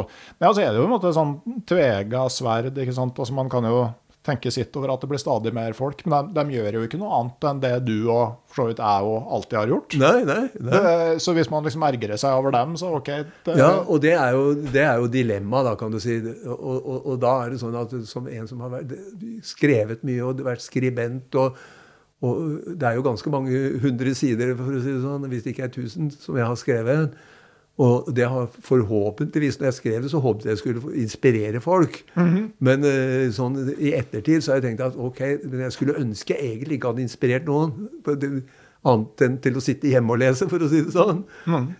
Ja da, men så, så er jo det òg Det der er jo Man møter seg jo stadig i døra. Ja. Viktig å hilse pent, da. Men, men så er det jo ikke sant, du har jo det der at Altså, eh, verna natur Jeg tror ikke man skal anta for sikkert at den er varig verna. Nei, det er den helt sikkert ikke. Man ser, og, og det vi har trodd har, har vært helt utenkelig, det er plutselig ikke helt utenkelig. For meg er det liksom sånn at jeg tenker sånn, det er enkelte områder som jeg tenkte det ikke ville bli fare for, i hvert fall i de nærmeste 50 årene. i hvert fall. Ja. Og det er, også nå får du plutselig begynner Laksefjordvidda. liksom Se for deg å ha tu, vindturbiner på Laksefjordvidda.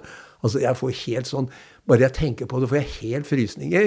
Ja, nei, det, den er spesiell, altså. Og, ja. og, og derfor så det, det er jo et poeng at eh, noen kjenner til de områdene. Altså, og når, du, faktisk når, du, når friluftsområder, når verdien av dem vurderes, Ja. Så er det jo sånn at de har større verdi hvis eh, det ikke bare er de lokale som bruker dem. Ja, ja, det er, I, i ja. sånne konsekvensutredninger. Så, sånn at det, det, er altså, eh, det er jo fint med områder som bare du bruker, men samtidig så gjør det området veldig sårbart. Ja. Ja, så jeg ser det jo sånn at jeg er veldig glad for at jeg var så heldig å, å leve gjennom en tid hvor det nesten var Altså hvor jeg kunne dra til eh, Renaelva og komme der på det som er prime time, og ikke være plaga av noen. Ja, og sam, samtidig så var du heller ikke så altså, Samtidig så var det moderne fluefisket utvikla. Ja. Sånn at uh, Og, og, og, men det var jo på den tiden hvor vi slo i hjel fisken. Ja. Eller i hvert fall en del av den. Og, og hadde gleden av det òg. Ja. For det er jo også sånn at uh, hvis det ikke er noen andre fiskere der, så tåles det jo at du slår i hjel en del. Mens hvis det er mange fiskere der, det det, altså disse behovene for sånn fangstbegrensninger, no-kill, alle disse tingene, det er jo sånn som i mitt hode er et nødvendig onde fordi vi er for mange. Ja, mens i manges hode så er det jo en religion. Altså, ikke sant? At du skal ikke slå, du skal ikke slå i hjel fisken fordi at av en eller annen grunn at den har et opphøyet eh, individ. Mens for meg så er eneste grunn til å ikke slå i hjel en ørret, som er passelig stor, og som du kunne hatt til middag, det er at vi, det, vi har ikke mange nok av den. Nei. Så det, fiske for alle er fiske for ingen. Ja. ja, for det var jo eh, for ikke så lenge siden en artikkel om Julius Ytterborg Ja. i, i Jakt og fiske. Han var jo veldig kjent fluefisker ganske lenge siden. Sånn første halvdel av 1900-tallet, eller tror jeg. Ja, Og han fikk være med i den meget eksklusive Fly Fishers Club Ja. i London. Ja. Og hadde, har fortsatt norgesrekorden på sik. Ja, på flue. Er ja. over fire kilo? Ja, ja, det er Det er helt absurd å tenke seg en sånn eh, me mellomlaksstørrelse sik. Ja. Men han var jo veldig sånn motstander av f.eks. haspelutstyr og sånne ting, at det blei for lett. Ja. Uh, og da blei det for mange folk, og da Ja. blei det fiske for alle, blir fis- fiske for ingen. ja. Men så har man jo da funnet veier rundt det. Men sånn for din del, altså når du får på en stor ørret, har det noe å si for måte, intensiteten i opplevelsen at du vet du skal sette den ut igjen? Ja, at jeg vet at jeg skal sette den ut igjen, sa Ja. Eller hvis jeg er tvunget til å sette den ut igjen, at ikke det er et valg jeg gjør der og da. ja.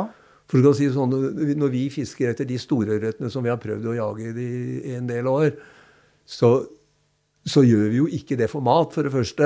Nei, nei. Vi gjør jo for å få de store ørretene. Og vi kaller de fiskene som da er i den mellomstørrelsen, gjerne for matfisk.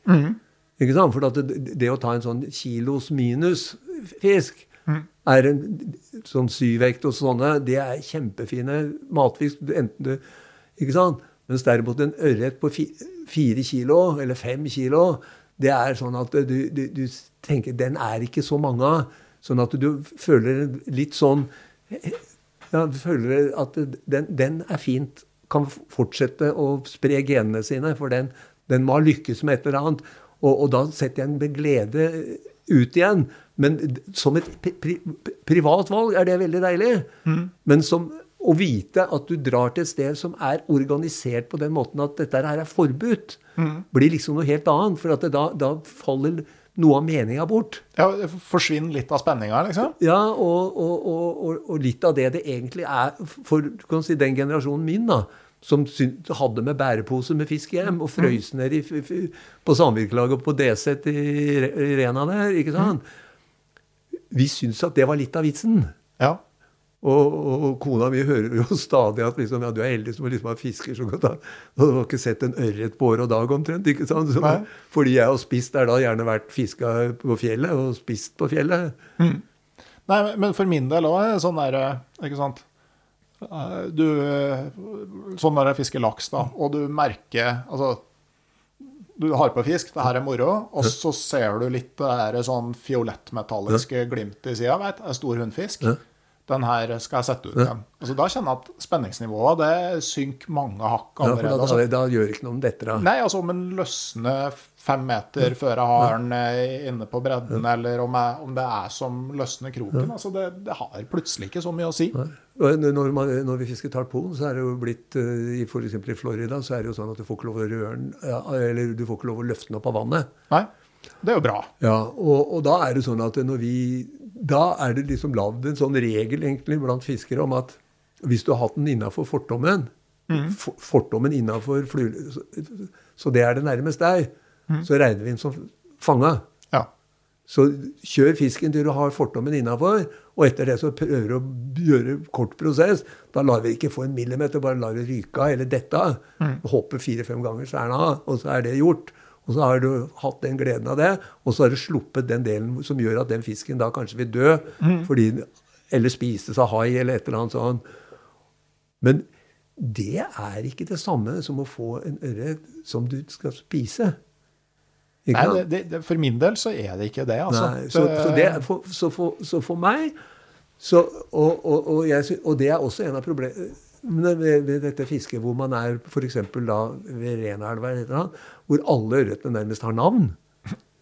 Ikke sant? Ja, det er den der, den og den. ikke sant? De, fordi de, de, de, som er der mye, de vet akkurat hvor de fiskene står, og de står der hele tiden. De står der hele sommeren. ikke sant? De flytter seg noen ganger lite grann, men altså, man har Du vet hvor de står. Og du, og du har hatt den Ja, den har jeg hatt tre ganger før. Da, for meg så, så har jeg ikke glede av det, da. Dessverre.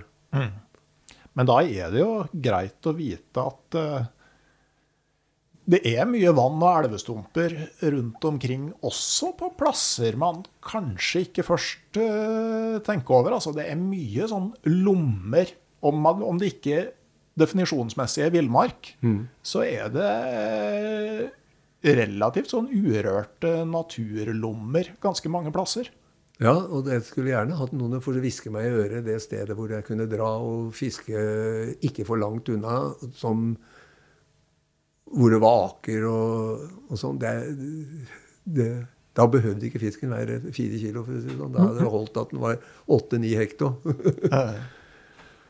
Det var veldig hyggelig å prate med deg på. Ja, takk. I like måte. Ja, jeg bruker jo eh, alltid å avslutte med spørsmål. Eh, vi sitter her og Når vi tar opp i slutten av mars, og som sagt det er en ganske sånn sørpete vinterdag. Hvis du kunne valgt helt fritt hele verden hvor du ville vært akkurat nå, hvor skulle det vært? Akkurat nå så ville jeg vært uh, i å fiske tropisk. Ja. ja. Hvor enn da? Ja, I Florida sannsynligvis. Der, der fisker vi jeg litt spesielt for at jeg, bruker kanoen mm. også inn i Everglades.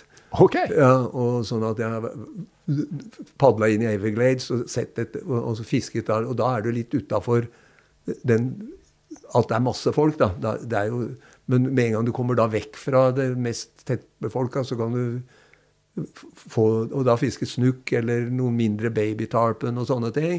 Og da er det naturopplevelsen å være inni der og, og, og, og lære noe som jeg ikke egentlig har peil på. Ja. For jeg har ikke rukket å fiske nok til at jeg er blitt god og, liksom føler at jeg kan det. Kan du holde unna alligatorer, da? Ja, det har jeg hatt en som har bitt i kanoen min en gang, faktisk. Men det, det, det var bare sånn love-bite. da, Så det var nærmest som at jeg tror hun skulle sjekke hva det var. Ja. For at jeg var ute om natta, midt på natta aleine. For jeg hadde funnet ut at det skulle være fullmåne. Så hadde jeg hørt at tarpon kunne beita ofte på natten. Mm. Og gjerne ved fullmåne skulle være fint sånn så jeg dro inn i Everglades fra inn, da, og padla inn i en sånn no motor-område. For da er du mer alene mm. midt på natta der. Og da jeg skulle tilbake igjen på natta, da, så var det plutselig en som beit i kanoen. Så ja. det var litt spesielt. Ja, det, det, vil jeg tro. For de, de som ikke vet, altså er jo tarpoen Den ser ut som ei sild, men uh, kan bli godt over 100 kg. Ja. Og den uh, er rask og enormt sterk. Ja, det er, det, det er så Hvis du skulle designe en fluefisk, ja. så, så, er det eneste feilen med den at den ikke smaker som en ørret, hvis du kan si det sånn. hvis du kunne fått 100 kg med ørretkjøtt ja, ja, etter den opplevelsen, så kunne det vært noe. Igjen, uh, tusen takk, Pål, for at jeg fikk uh, komme på besøk. Bare hyggelig.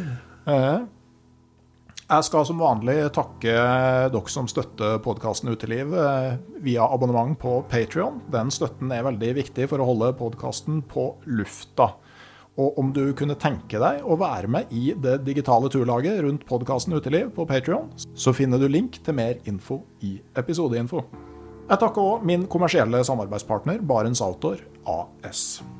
Da sier jeg takk for meg for denne gangen. Få dere en tur eller fire ut i uka som kommer, så venter det en ny episode av podkasten Uteliv neste fredag. Ha det bra!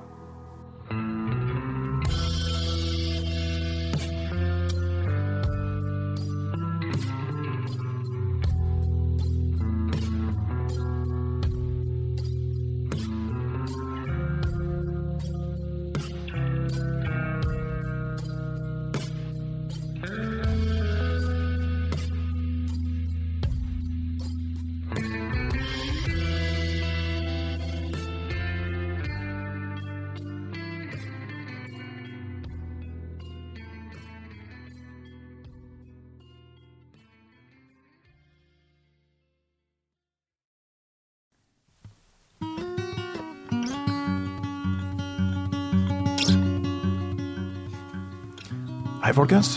Bare én ting til, sånn helt til slutt.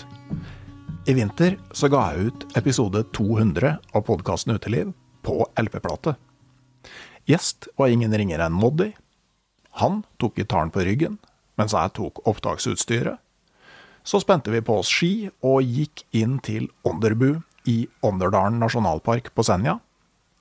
Der rigga vi oss til i solveggen og spilte inn hver side av episoden i én sammenhengende tagning.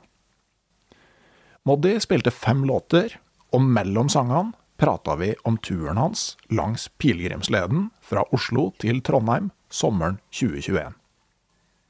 Plata er trykka i 500 eksemplarer, og for å være helt ærlig så syns jeg den blei skikkelig bra.